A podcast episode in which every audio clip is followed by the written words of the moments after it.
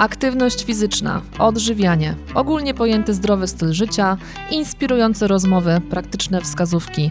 To wszystko znajdziesz w podcaście Zaczynam od poniedziałku. Zapraszam, Marta Moszczyńska.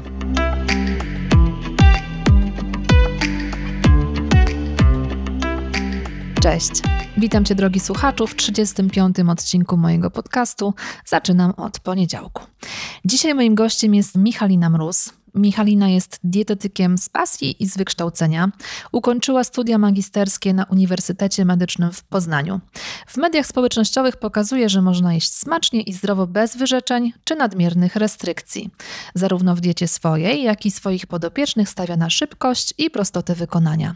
Specjalizuje się w dietach roślinnych i tych związanych z zaburzeniami metabolicznymi, a zwłaszcza insulinoopornością. I właśnie o insulinooporności jest ten odcinek podcastu. Zapytałam Michalinę, czym w ogóle jest insulinooporność, jakie istnieją przekonania, mity dotyczące tego schorzenia oraz czy insulinooporność można wyleczyć. Zapraszam Cię serdecznie do wysłuchania tej rozmowy.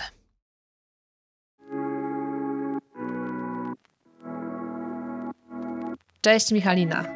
Cześć Marta. E, na wstępie chciałam bardzo Ci serdecznie podziękować tutaj e, za zaproszenie do podcastu. Bardzo się cieszę, że możemy się tutaj spotkać i to porozmawiać na. Słucham? Twój pierwszy podcast? Nie, już jakiś czas temu e, nagrywałam jako gość, ale to jakby dobrze jest być ponownie zaproszony, sobie przypomnieć jak to się w ogóle robi. Nic trudnego, zobaczysz za chwilę. Super, Michalina, ja ci, ja, ja ci bardzo dziękuję, że przyjęłaś e, zaproszenie. Uważam, że jesteś mm, ekspertem w dietetyce y, insulinoopornych. Y, twoje treści na Instagramie mnie ujmują, dlatego też zaprosiłam cię właśnie, żebyśmy sobie o tym dzisiaj porozmawiały. No i właśnie, powiedz, czym w ogóle jest insulinooporność? Okej, okay, e, więc e, jest to takie zaburzenie e, działania insuliny, czyli hormonu, który odpowiada nam na, za zmniejszenie stężenia glukozy, czyli tego cukru we krwi, polegające na zmniejszonej wrażliwości mięśni, tkanki tłuszczowej, wątroby oraz innych tkanek na insulinę, pomimo jej prawidłowego lub podwyższonego stężenia we krwi. I tutaj jakby w insulinoporności dochodzi nam do upośledzonej reakcji organizmu na działanie insuliny. To znaczy, że organizm nam interpretuje, że ma za mało tej insuliny, e, chociaż w rzeczywistości jest jej za dużo. I w związku z tym to stężenie glukozy e, będzie nam tutaj przyjmować nieprawidłowe wartości, E, w konsekwencji czego e, trzustka będzie nam wydzielać coraz większe ilości insuliny, aby utrzymać e, ten poziom glukozy w normie. Mhm. Brzmi to skomplikowanie, aczkolwiek myślę, że jest prostsze w naturze. Natomiast powiedz, bo to rozumiem, że to nie jest choroba, to jest zaburzenie, a powiedz, co nas powinno zaniepokoić? Kiedy powinniśmy E, stwierdzić, że kurczę, coś, coś jest chyba nie tak e, i zrobić e, badania i jakiego rodzaju powinny to być badania? Wiesz co, no tutaj jeśli chodzi o objawy insulinoporności, to one są takie powiedziałabym, że dosyć niespecyficzne. tutaj może nas zaniepokoić na przykład taka nadmierna senność po posiłku, szczególnie takim bogatym w węglowodany, częste uczucie głodu, tak zazwyczaj E, tuż po posiłku albo tak do dwóch godzin po posiłku. E, tutaj można, można też zaobserwować e, wzmożony apetyt na słodycze, jak również takie mm, obniżenie nastroju, rozdrażnienie, ciągłe uczucie zmęczenia, pojawić się może również uczucie zimna, takie problemy z pamięcią i koncentracją, czyli taka tak zwana mgła mózgowa też może się pojawiać. Mm, też można zaobserwować na przykład przyrost masy ciała, pomimo takiej zwyczajowej diety, bez przyjadania się, szczególnie u osób e, z insulinopornością zauważa się to w obrębie brzucha, jest to tak zwany, e, mówi się brzuch insulinowy, e, albo trudności z redukcją masy ciała. Jeszcze z takich już bardziej charakterystycznych objawów dla insulinoporności to może być to mogą być zmiany na skórze mm, o takim typie rogowacenia ciemnego. Są to takie zmiany, które będą zlokalizowane w okolicy pach, szyi, dłoni. Mogą się również pojawiać w dole łokciowym, w okolicy pępka, a nawet krocza i wtedy jakby mm, wydaje się, że skóra jest brudna, bo to jest właśnie takie rogowacenie ciemne, ale na szczęście jakby dobra wiadomość jest taka, że e, cofnięcie insulinoporności jakby zarazem będzie tutaj spowodować, że te zmiany również ulegną cofnięciu się. Mhm. Jak Ciebie słucham, to y, bardzo dużo z tych objawów moim zdaniem łączy się, z, znaczy jest bardzo podobnych do problemów z tarczycą. Tak, tak. E, to właśnie dlatego mówię, że mm, to są objawy takie, większość z nich jest niespecyficzna, dlatego warto właśnie różnicować e, je z, z innymi schorzeniami, e, tym bardziej, że mm, schorzenia tarczycy E, mogą się łączyć i bardzo często te różne mm, choroby, e, schorzenia chodzą ze sobą parami, tak? E, no, ja bardzo często w swojej praktyce spotykam się właśnie z takim duetem, czy tam nawet trio, tak? Bo mamy jeszcze insulinoporność, zazwyczaj jest też Hashimoto albo niedoczynność tarczycy, albo wszystko razem.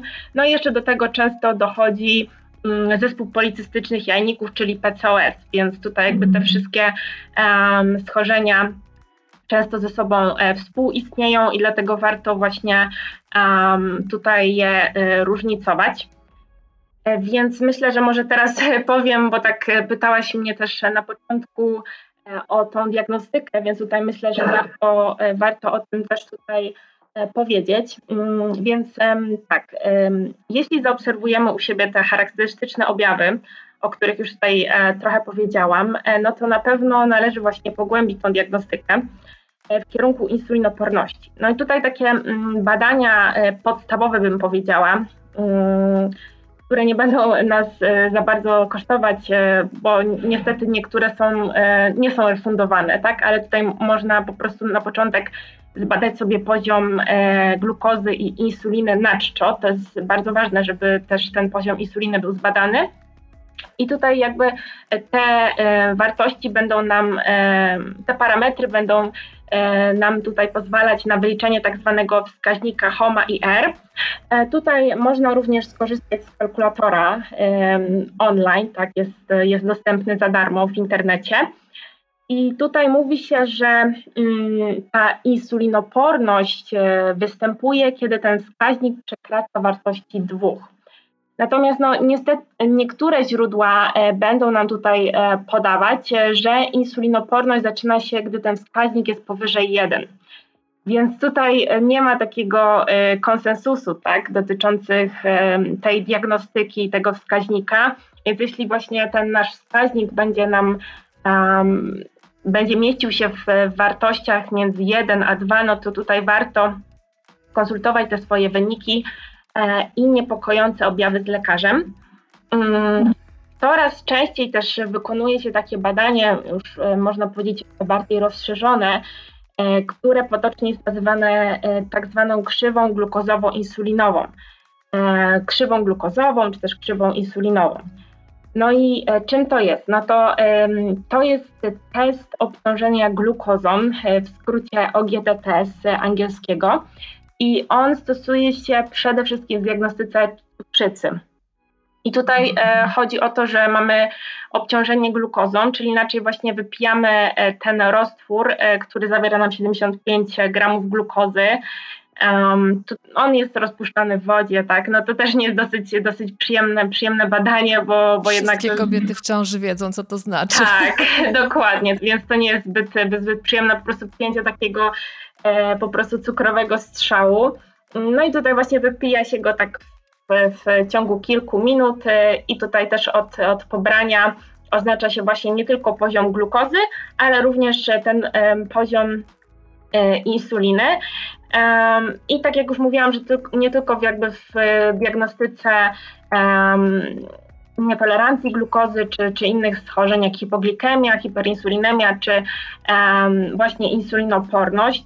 No i tutaj jakby um, o ile mamy konkretne wartości norm na glukozę, tutaj wyznaczone przez Polskie Towarzystwo e, Diabetologiczne, e, jakie, powin, jakie powinny być tam po, po godzinie, po, po dwóch godzinach i tak dalej, no to tutaj mamy problem właśnie z tą insuliną, no ponieważ nie ma tutaj takich jasno określonych norm, właśnie w tym, w tym teście. No tutaj przyjmuje się, że taki wynik trzycyfrowy będzie nam tutaj faktycznie wskazywał na to, że mamy do czynienia z tą e, hiperinsulinemią, czy jakby za, za, dużym jakby produkcją, e, wyrzutem tej insuliny i tą insulinopornością. Natomiast jakby problem pojawia się z tym wynikiem dwucyfrowym. I tutaj jakby mm, mamy różne źródła danych, tak? Mamy dane e, na przykład z literatury amerykańskiej, mamy, że na czczo ten poziom insuliny E, powinien być e, poniżej 10, czyli te wartości jednocyfrowe, najlepiej aby były. E, tutaj mówi się, że po godzinie ta mm, insulina powinna być maksymalnie 50, a po dwóch już powinna spadać tak do maksymalnie 30. Natomiast no tutaj jakby mm, no, nie ma bezpośredniego przeniesienia tych norm amerykańskich w odniesieniu do, do populacji polskiej. Tak? Tutaj nie mamy jakby takich jednoznacznych e, wartości. No tutaj też się podaje, że można by było e, na przykład e, mm, jakby te wartości ustalać zależnie od wskaźnika masy ciała, BMI, tak? I tutaj jakby jeśli mamy mm, no, najlepiej, aby dążyć do wartości dla osób o prawidłowej mas, masy, ciała. Czyli tutaj, jeżeli na przykład mamy BMI poniżej 25, czyli mamy prawidłową masę ciała, no to insulina nadczo powinna być tak e, maksymalnie 12, a po dwóch godzinach tak maksymalnie 60. No i tutaj jakby dobrze by było dążyć do tych wartości e, dla osób o tej prawidłowej masie ciała. Mm, no natomiast no, ten temat tych norm na insulinę, no to po prostu jest temat rzeka i na pewno jeszcze e, wymaga bardzo wielu, e, wielu badań i, i mam nadzieję, że w ciągu najbliższych lat to wiele w tym temacie się e, wyjaśni. Ogólnie widzę, że w dietetyce y, jestem tak naprawdę dopiero 5 lat w tematach treningowo-dietetycznych, tak bardzo głęboko. Mhm. Y, nie tylko na potrzeby własne, ale na potrzeby też innych ludzi. I widzę, że y, zmienia się to w mgnieniu oka i te badania też są cały czas wykonywane, cały czas pchane do przodu. Także to, co jeszcze wczoraj wydawało się normą, już jutro może się okazać nienormą. Także, tak, tak, tak. Trzeba śledzić, śledzić na bieżąco, być na bieżąco, bo to się bardzo, bardzo dynamicznie e, zmienia, naprawdę. Tak, dokładnie.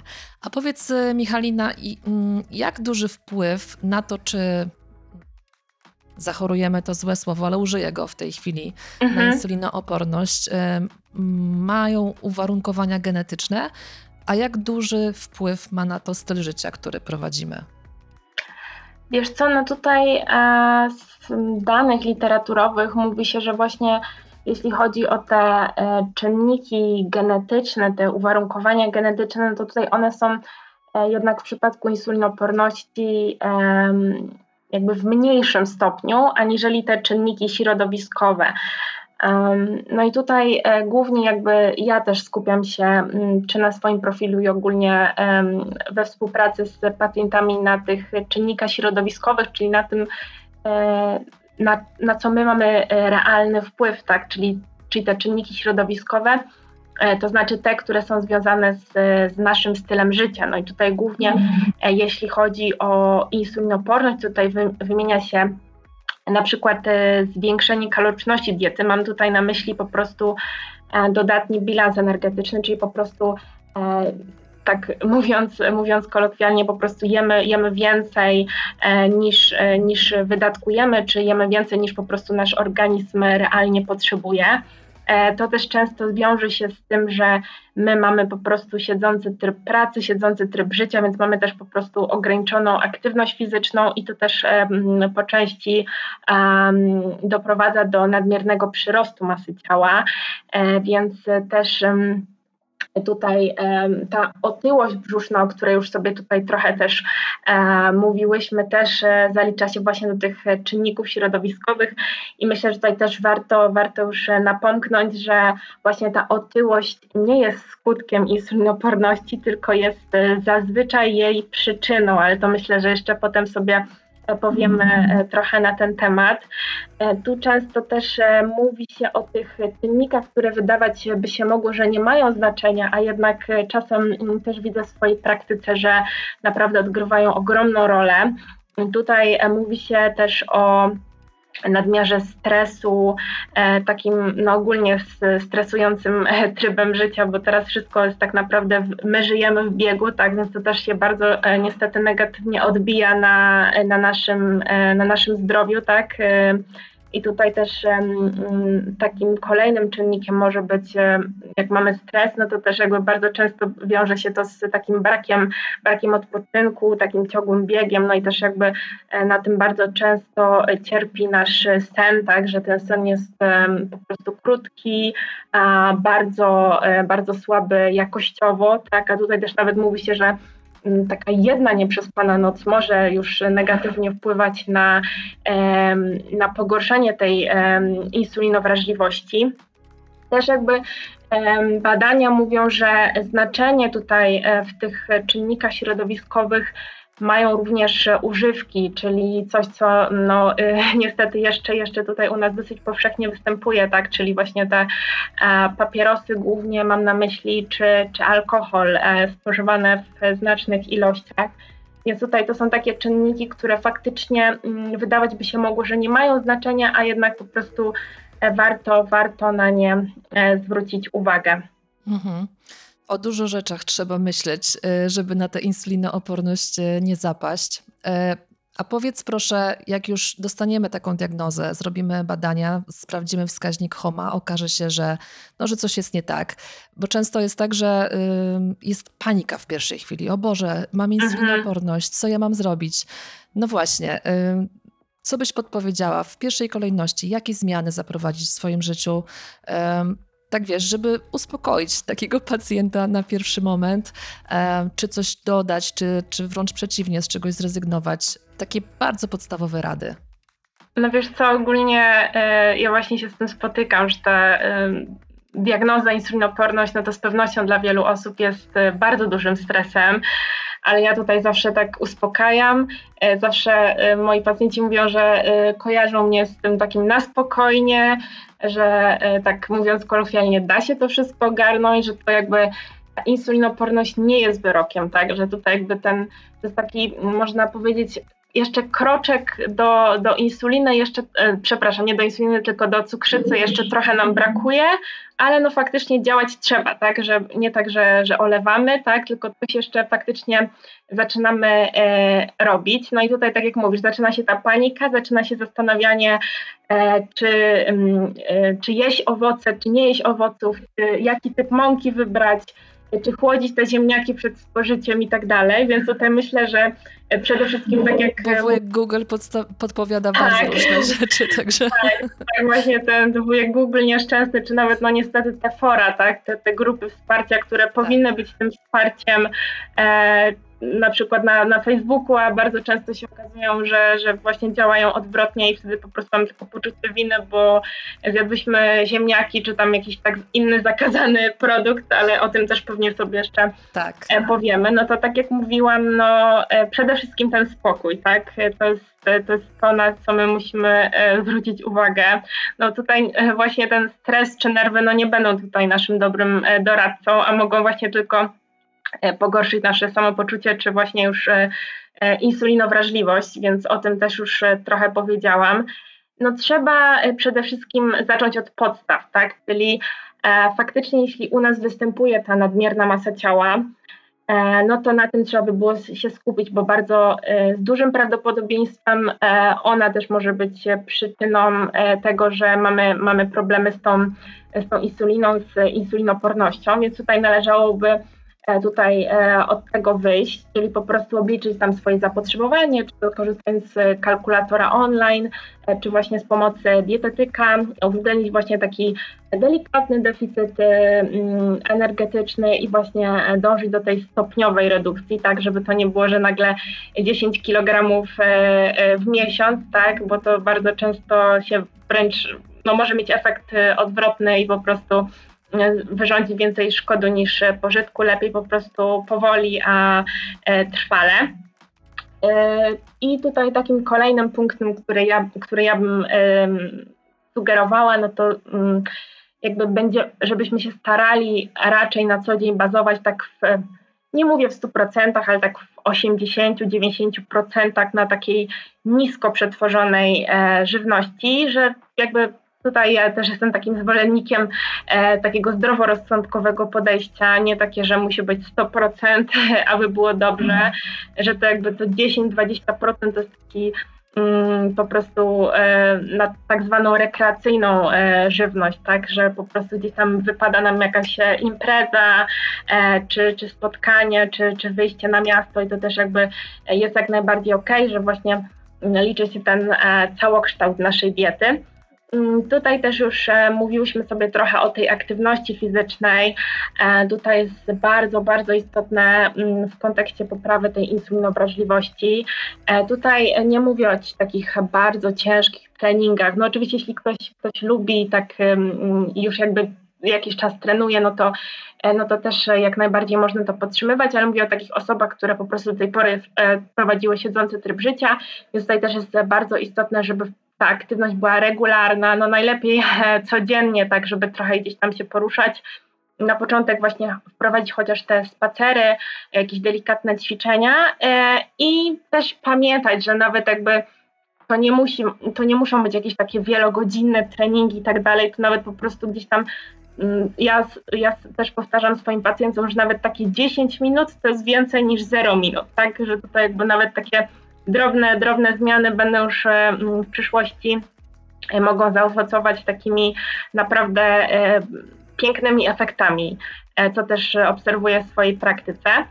E, no tutaj też już mówiłyśmy trochę o tym śnie, tak? Tutaj też e, jak najbardziej ma ogromne, ogromne znaczenie ta nie tylko odpowiednia ilość, tak, ale też jakość snu, czyli my, żebyśmy faktycznie przed tym snem gdzieś tam mm, nie scrollowali tego e, telefonu, tak, nie naświetlali się tym światłem niebieskim, tak, będziemy raczej dbać, starać się dbać właśnie o takie no, wyciszenie tak, tego organizmu, żeby ten sen nie tylko był odpowiednio długi, tak dopasowany mm, do, ta długość snu, no to wiadomo, że tam mówi się 7-9 godzin, ale to też oczywiście należy dopasować e, do siebie, ale też żeby był właśnie dobry jakościowo, bo tutaj on też będzie miał ogromne znaczenie w, tutaj w poprawie tej insulinowrażliwości.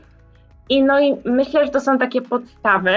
No i wiadomo, że jak już tak ogarniemy te podstawy, no to wiadomo, że kolejnym krokiem powinna być nauka e, komponowania posiłków, e, odpowiedniego bilansowania, czy to właśnie pod kątem indeksu i e, ładunku glikemicznego. Natomiast, no, tak jak mówię, no, trzeba m, mm, najpierw zadbać o te wszystkie podstawy, żeby potem gdzieś tam kroczek po kroczku e, sobie coraz więcej dokładać. No bo jednak ta zmiana no, to jest ten proces, tak? I najlepiej właśnie je e, podzielić na takie mniejsze etapy. E, no bo tak naprawdę, no nie oszukujmy, że, że to jakby nie zadziało się, nie doprowadziliśmy do insulinoporności jakby w ciągu kilku dni, tak, czy nawet tygodni, więc też nie oczekujmy, że nagle po prostu to, te wszystkie zmiany negatywne się mm, cofną, tak? Więc to na pewno wymaga e, wielu, cza e, wielu czasu, pracy i przede wszystkim też e, cierpliwości. Więc tutaj też taka moja rada, żeby właśnie skupić się na tych podstawach, na tym, co my możemy po prostu wprowadzić w takim sensie, że co my możemy zmodyfikować w tym naszym stylu życia, a dopiero później dokładać sobie dodatkowe elementy. Nigdy, nigdy na odwrót. Mhm. Super, że o tym mówisz. Super, że poruszyłaś temat ruchu. Ja też spotykam się na sali z dziewczynami, które przychodzą czy właśnie z chorobami tarczycy, bardzo często z Hashimoto, czy z insulinoopornością. No i oczywiście gdzieś tam ta nadmierna masa ciała się u nich pojawia i oczekują tak zwanego, e, za przeproszeniem, treningowego w pierdzielu, a, a, to wprost przeciwnie, jakby to nie zadziała. I e, powiem więcej, kiedyś miałam dziewczynę właśnie z chorobą Hashimoto, która bardzo mocno uparła się na takie treningi intensywne, mimo mojego podejścia do tego zupełnie innego. No i umówiłyśmy się, że okej, okay, jeśli jej tak bardzo na tym zależy, to zrobimy to przez miesiąc i ma po tym miesiącu zrobić sobie mm, badania krwi. I zrobiła. I te parametry się bardzo pogorszyły. I dostała od pani endokrynolog jasne wskazówki, żeby tego nie robić i dopiero przyznała mi rację, że jednak nie tędy droga do e, gubienia masy ciała, jeśli już chorujemy na insulinooporność czy na e, Hashimoto. Także super, że też powiedziałaś o tym, że wystarczy 10-15 minut dziennie, szczególnie dla osób, które e, no, prowadzą bardzo siedzący tryb życia, bo większość z nas jednak więcej siedzi niż się rusza. I te 10-15 minut dziennie na początek będzie totalnie wystarczające. Nie muszą to być e, właśnie treningi mm, jakieś bardzo intensywne, nawet nie powinny być w przypadku tych, e, tych chorób, bo to jest jednak dodatkowy stres dla organizmu, który się nie ruszał wcześniej zwyczajnie. Tak, dokładnie, że mm, jakby no co jakby ja też nie zabraniam jakby takich intensywnych e, ćwiczeń, bo to też mówi się, że znaczy tutaj badania naukowe mówią, że po prostu każdy rodzaj aktywności będzie nam tutaj poprawiał tą insulinowrażliwość, ale no faktycznie jakby to powinno być e, dobrane indywidualnie, podobnie jak z dietą, tak, że to co jednej osobie służy, niekoniecznie u drugiej zda egzamin, że tak się wyrażę, więc to na pewno po prostu indywidualizacja i no ja też mam takie podejście, że tutaj jeśli chodzi o czy dietę, czy, czy aktywność, no to no, najlepsze, najlepsze właśnie będą takie, czy to dieta, czy, czy aktywność, które po prostu będziemy w stanie stosować długoterminowo, tak, no, żeby to faktycznie było do nas, do nas dopasowane, a nie, że my e, musimy się dopasowywać, nie wiem, czy do diety, czy do, nie wiem, zmuszać się do danej e, aktywności, no bo to niestety na dłuższą metę e, po prostu się nie sprawdzi. Dokładnie, to nie zadziała. Jeśli nie będziemy lubić tego ruchu, który sobie y, wybierzemy, bo wszyscy chodzą na siłownię, to ja też muszę chodzić na siłownię. No nie lubisz siłowni, nie chodź na siłownię. Jest ogromny wachlarz w tej chwili różnego rodzaju innych aktywności, które można uprawiać łącznie z tańcem w domu. To też jest aktywność, także super, że o tym mówisz. Michalina, istnieją pewne przekonania, to chciałabym, żebyś się do nich odniosła. Na przykład mam insulinooporność, nie mogę schudnąć. To też y, jest y, takie przekonanie, które często przychodzi do mnie na salę treningową, że jakby już z góry zaznaczam, ja choruję na Hashimoto, ja choruję na insulinooporność. Powiedz, czy rzeczywiście jest to przeszkoda do tego, żeby tę masę ciała redukować? No wiesz co, jest to chyba jeden z takich najpopularniejszych i chyba moich ulubionych mitów, e, które krążą właśnie wokół tego tematu. Tutaj e, powiem, że z takiego fizjologicznego punktu widzenia, jeśli mamy um, insulinoporność, to ta insulinoporna tkanka tłuszczowa niechętnie będzie nam gromadziła zapasy, a chętniej uwalniała tłuszcz.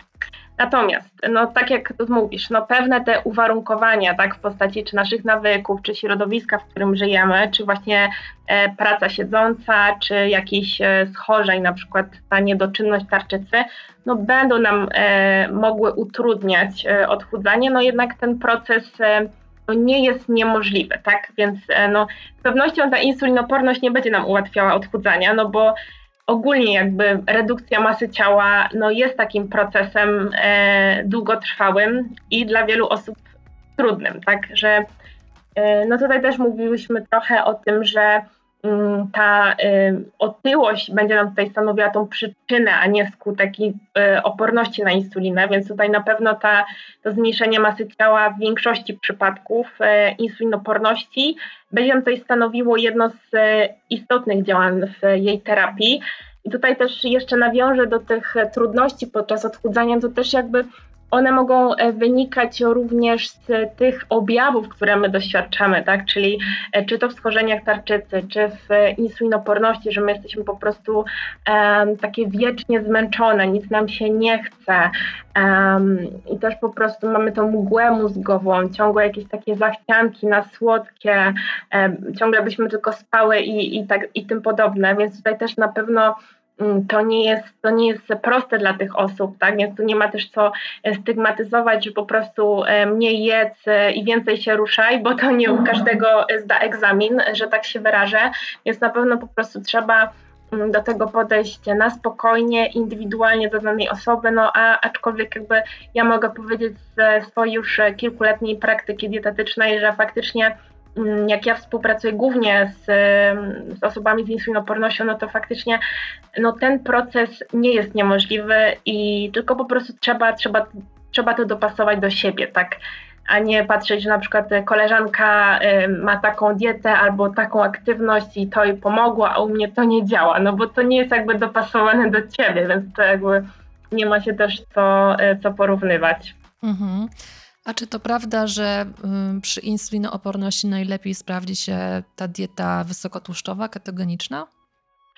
Ojej, no to też jest taki temat, e, powiedziałabym, bardzo, bardzo na czasie. Tutaj też ta, e, ta dieta keto, ona mm, no, zyskuje na popularności, głównie właśnie ze względu na to, że ma taki um, skuteczny, faktycznie skuteczny, ale krótkoterminowy wpływ na, na tą redukcję masy ciała, no i też jest bardzo promowana w tych, w tych mediach. E, wiele osób teraz jest po prostu takimi znawcami i fanami tej, tej diety. Ona jest e, też często wykorzystywana w różnych e, grupach pacjentów. E, tutaj mówi się głównie o tej padarce lekopornej i to faktycznie po prostu może, może się sprawdzić, ale też również właśnie w, w celu redukcji masy ciała, czy, czy właśnie w różnych zaburzeniach gospodarki węglowodanowej. E, tutaj myślę, że można też e, powiedzieć dla, dla, dla słuchaczy, czym w ogóle jest taka dieta, bo może nie każdy właśnie wie. No to e, dieta ketogeniczna jest dietą wysokotłuszczową, normobiałkową oraz niskowęglowodanową. No i przez to właśnie osoby mogą doświadczać właśnie takiego mniejszego uczucia łaknienia, które często będzie wynikiem jakby tworzących się skał ketonowych wskutek właśnie niskiej niskiej podaży tych e, węglowodanów, e, na hormony, które będą nam regulować głód i sytość, czyli no tak e, mówiąc bardzo tutaj też takim językiem naukowym, no to to będzie taka grelina, cholecystokinina i GLP-1, czyli glukagonopeptyd 1. No natomiast też jakby dlaczego te osoby mają, mogą czuwać mniejsze łaknienie, no też ze sprawą tego, że zwiększeniu ulega podaż białka a to jest taki makroskładnik, który, który jest naj, najbardziej e, sycącym e, składnikiem e, naszej diety. Mm, no tutaj też no faktycznie w tych badaniach jest, że ta mniejsza podaż węglowodanów będzie nam tutaj wpływać pozytywnie na kontrolę poziomu tej insuliny i glukozy. Mm, tutaj też może nam e, zmniejszać też tą masę ciała, e, a tym samym też otyłość brzuszną, no i też zarazem insulinoporność. No i one też e, wydają się być nawet pomocne, te diety niskowęglowodanowe, w poprawie nawet ciśnienia tętniczego, czy regulacji poziomu właśnie tej glukozy, czy, czy cholesterolu. Tutaj mam na myśli głównie triglicerydów i cholesterolu HDL, czyli tak zwanego dobrego cholesterolu. Natomiast no, ta diety często się też charakteryzują, zwłaszcza jeżeli nie są tak dobrze um, dobrze mm, skomponowane, e, a po prostu obfitują po prostu w bardzo dużą ilość jaj, e, boczku, masła i tak dalej, no to właśnie mają bardzo dużo tych niekorzystnych, nasyconych kwasów tłuszczowych i one też mm, właśnie pochodzących między innymi z tych tłustych mięs chociażby i one też mogą się po części przyczyniać do e, wzrostu e, cholesterolu całkowitego i tej frakcji LDL, czyli tutaj mamy ten e, nie, e, HDL to jest ten dobry, a LDL to jest tak zwany zły, mówiąc kolokwialnie. Mhm. I to też będzie nam powodować wzrost ryzyka schorzeń e, układu krążenia, tak? Więc tutaj też warto, warto na to zwrócić uwagę. E, żeby ta dieta, no faktycznie ja nie jestem całkowicie na nie, ale ona też może faktycznie, mm, trzeba dobrze wiedzieć, jak ją skomponować.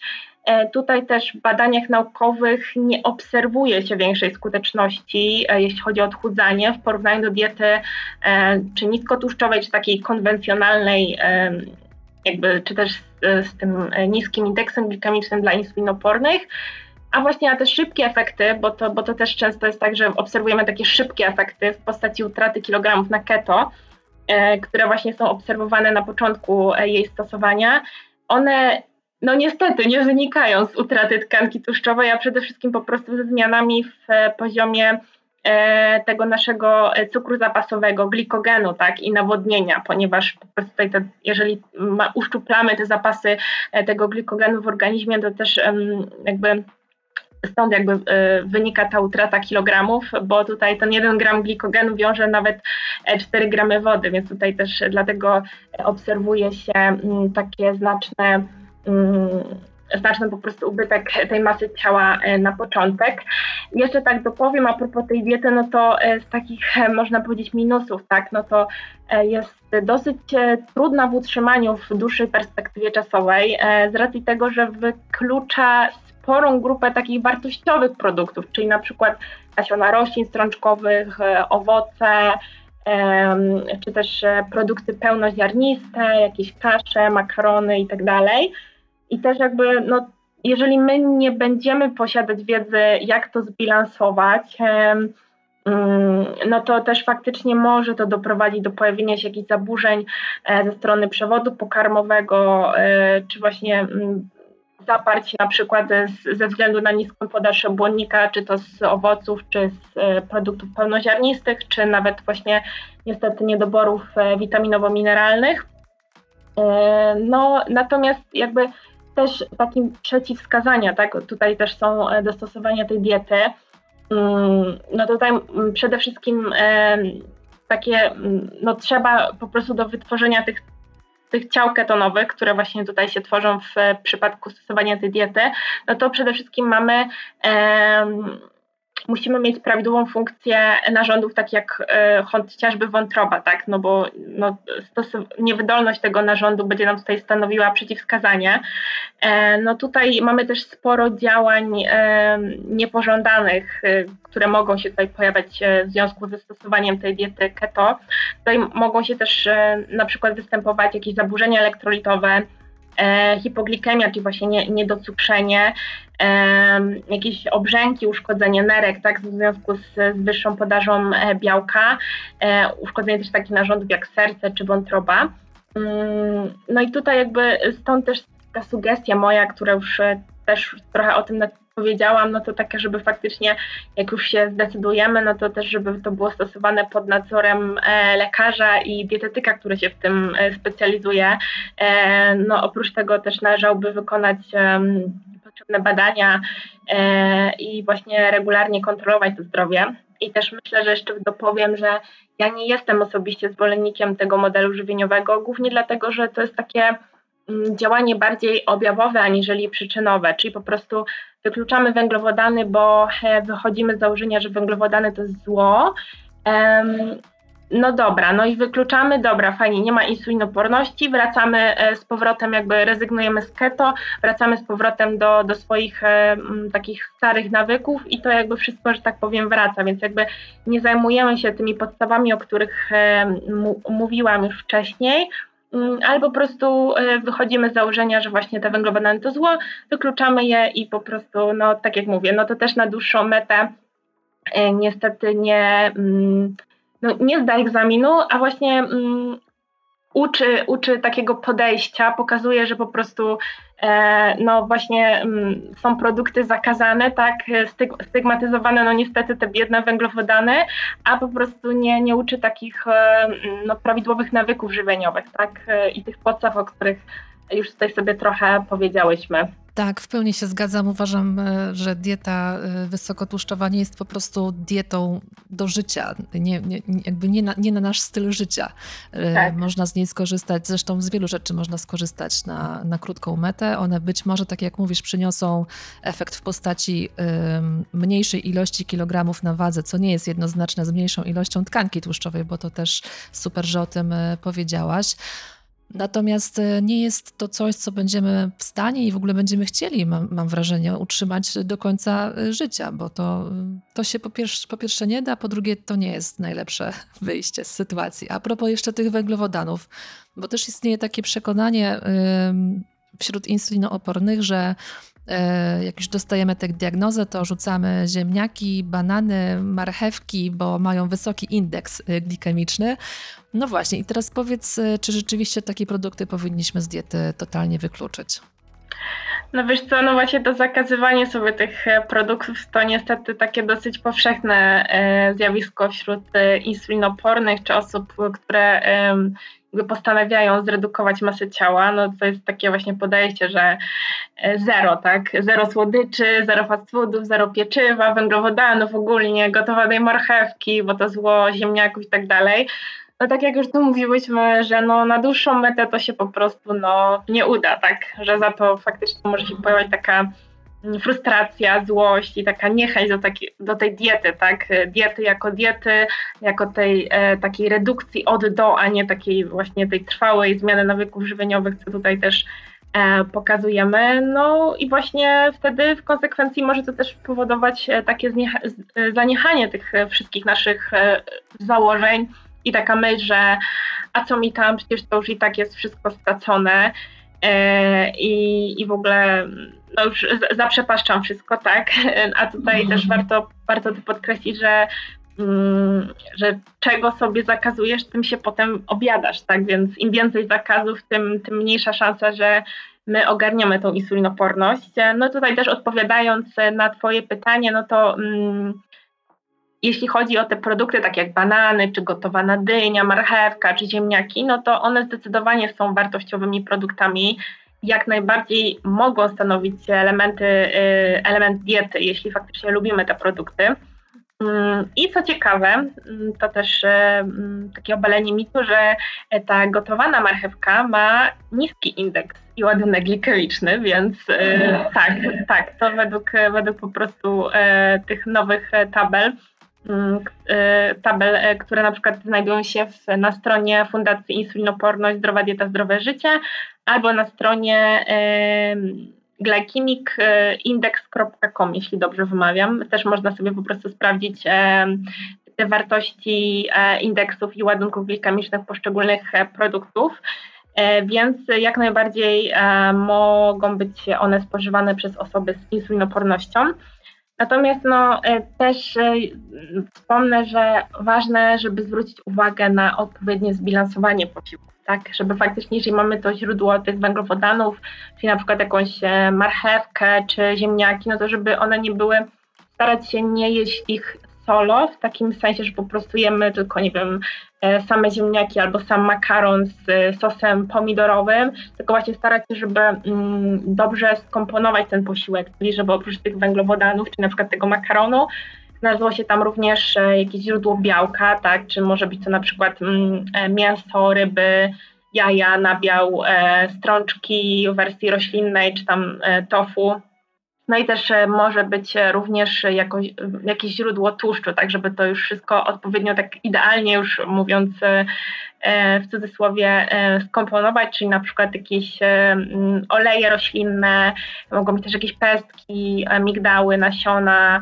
orzechy i tym podobne, więc na, na to warto też zwrócić uwagę a raczej starać się unikać takiego podejścia i oceniania swojej diety przez pryzmat jednego produktu albo jednego posiłku. Także mm, ojej, e, no myślę, że mm, nie wiem, słodycze są zakazane, zjadłam sobie jednego batonika i już wszystko stracone. No nie, no bo jakby faktycznie liczy się ten e, całokształt naszej diety, a nie właśnie pojedyncze czy produkty, czy posiłki.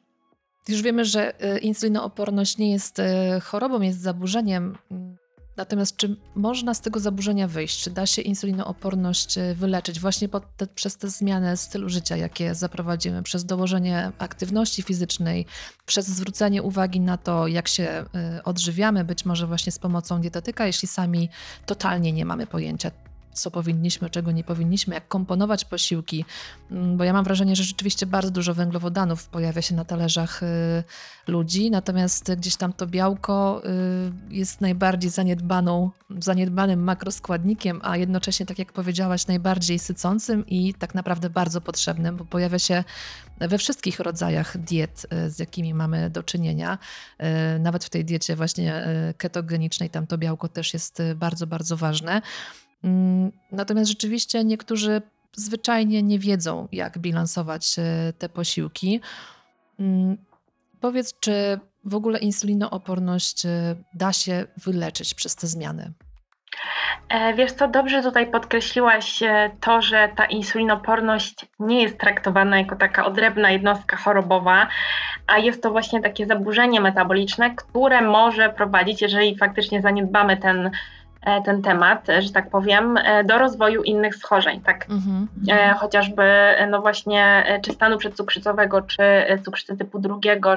Co, co już jest uważane jako choroba, prawda? To tak, już... dokładnie, mhm. tak, tak. Więc tutaj jakby na to warto, warto zwrócić uwagę i na pewno nie bagatelizować tego.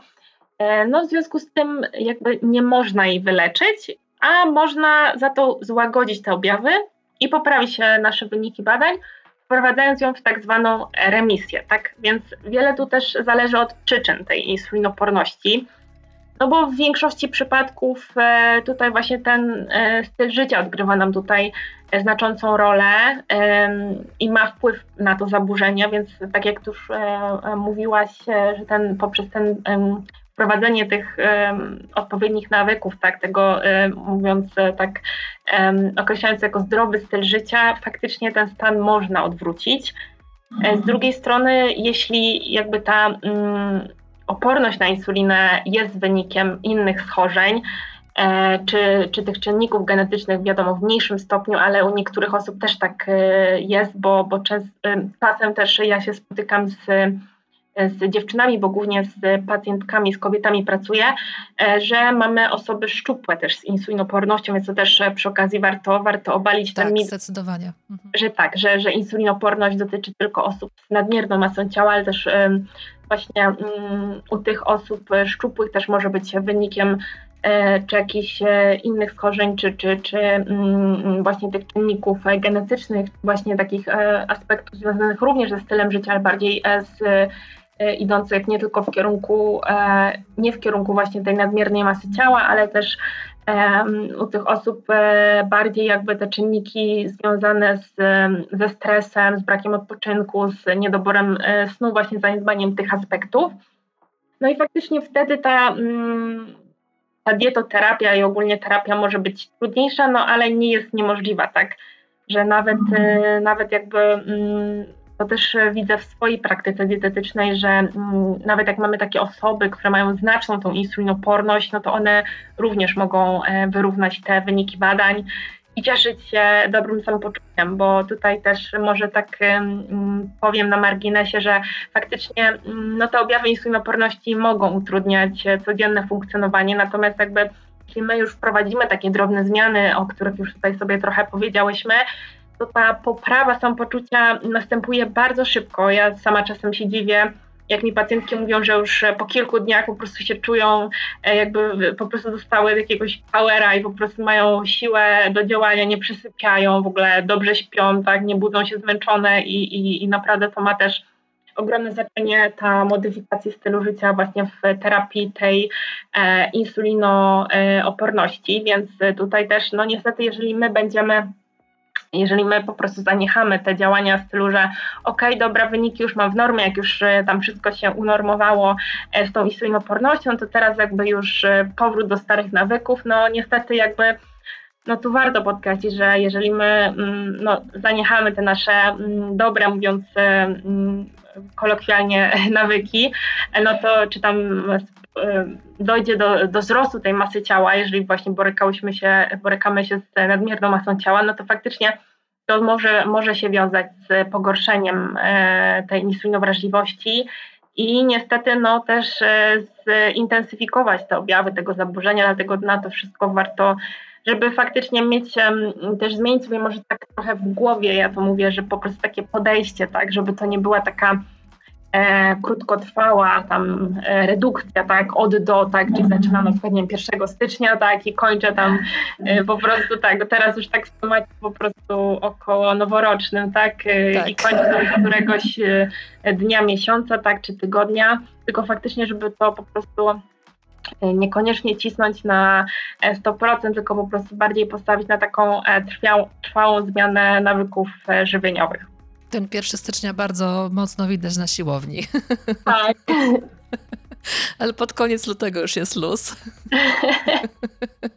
tak, to, to właśnie też w swojej, e, swojej tutaj działalności e, też to obserwuję, że właśnie ten grudzień to jest taki właśnie dla dietetyków dosyć spokojny okres, bo tam nikt nie myśli o diecie. Tak no wiadomo, że są jakieś osoby z różnymi schorzeniami, które wymagają po prostu chcą tej że tak powiem, e, potrzebują tej e, pomocy dietetyka, ale te osoby, które chcą gdzieś tam zredukować masę ciała, no to niestety, niestety to jest tak, że no po prostu zaczynamy nowy rok, nowa ja, tak się trochę śmieję, ale no, no cóż, no ja wychodzę z założenia, że każdy, mm, każdy okres będzie dobry na zmianę, no nawet taką po prostu najmniejszą. E, wczoraj właśnie miałam e, taki live e, z, z Angeliną, rozmawiałyśmy sobie, z Angeliną Ziembińską, rozmawiałyśmy sobie o postanowieniach noworocznych i ona doszła, mhm. dokopała się takich badań, w których było powiedziane, że no, że jednak te postanowienia noworoczne najwięcej osób je utrzymuje, że, że jeśli coś postanowimy w kwietniu, to czy w, czy w marcu, czy w listopadzie, to mniej osób utrzyma te postanowienia swoje niż e, te, które zostały um, przedsięwzięte właśnie na początku roku. Mhm. Także może warto też rzeczywiście, mimo tego, że tak. też się z tego śmiejemy, ale e, też właśnie udowodnione jest, że łatwiej jest utrzymać nam te postanowienia na przełomie roku. E, nowy rok, nowe możliwości. Gdzieś tak podchodzimy do tego właśnie w ten sposób. Także y, zapraszam do Michaliny wszystkie osoby, które potrzebują pomocy dietetyka specjalizującego się w insulinooporności. Jednocześnie Michalina ogromnie Ci dziękuję za to przewielką dawkę wiedzy, którą nam dzisiaj przekazałaś. Jest to bardzo, bardzo potrzebne, żeby uzmysłowić sobie, że nie można wszystkiego zwalać na zmęczenie. Czyli e, jeśli rzeczywiście gdzieś tam to ciało nam podpowiada, e, że coś się dzieje, to warto robić e, badania krwi, warto się diagnozować, warto zobaczyć, co tam się dzieje, mm, bo nie wszystko jednak jest winą przemęczenia czy dużej ilości pracy. Także badamy się. Tak, dokładnie. Ja również bardzo dziękuję za, za to zaproszenie raz jeszcze i za możliwość tutaj przekazania wiedzy i za bardzo miłą rozmowę. Także mam nadzieję do usłyszenia. Super. Dziękuję Ci bardzo. Do usłyszenia. Dzięki. Pa. Pa.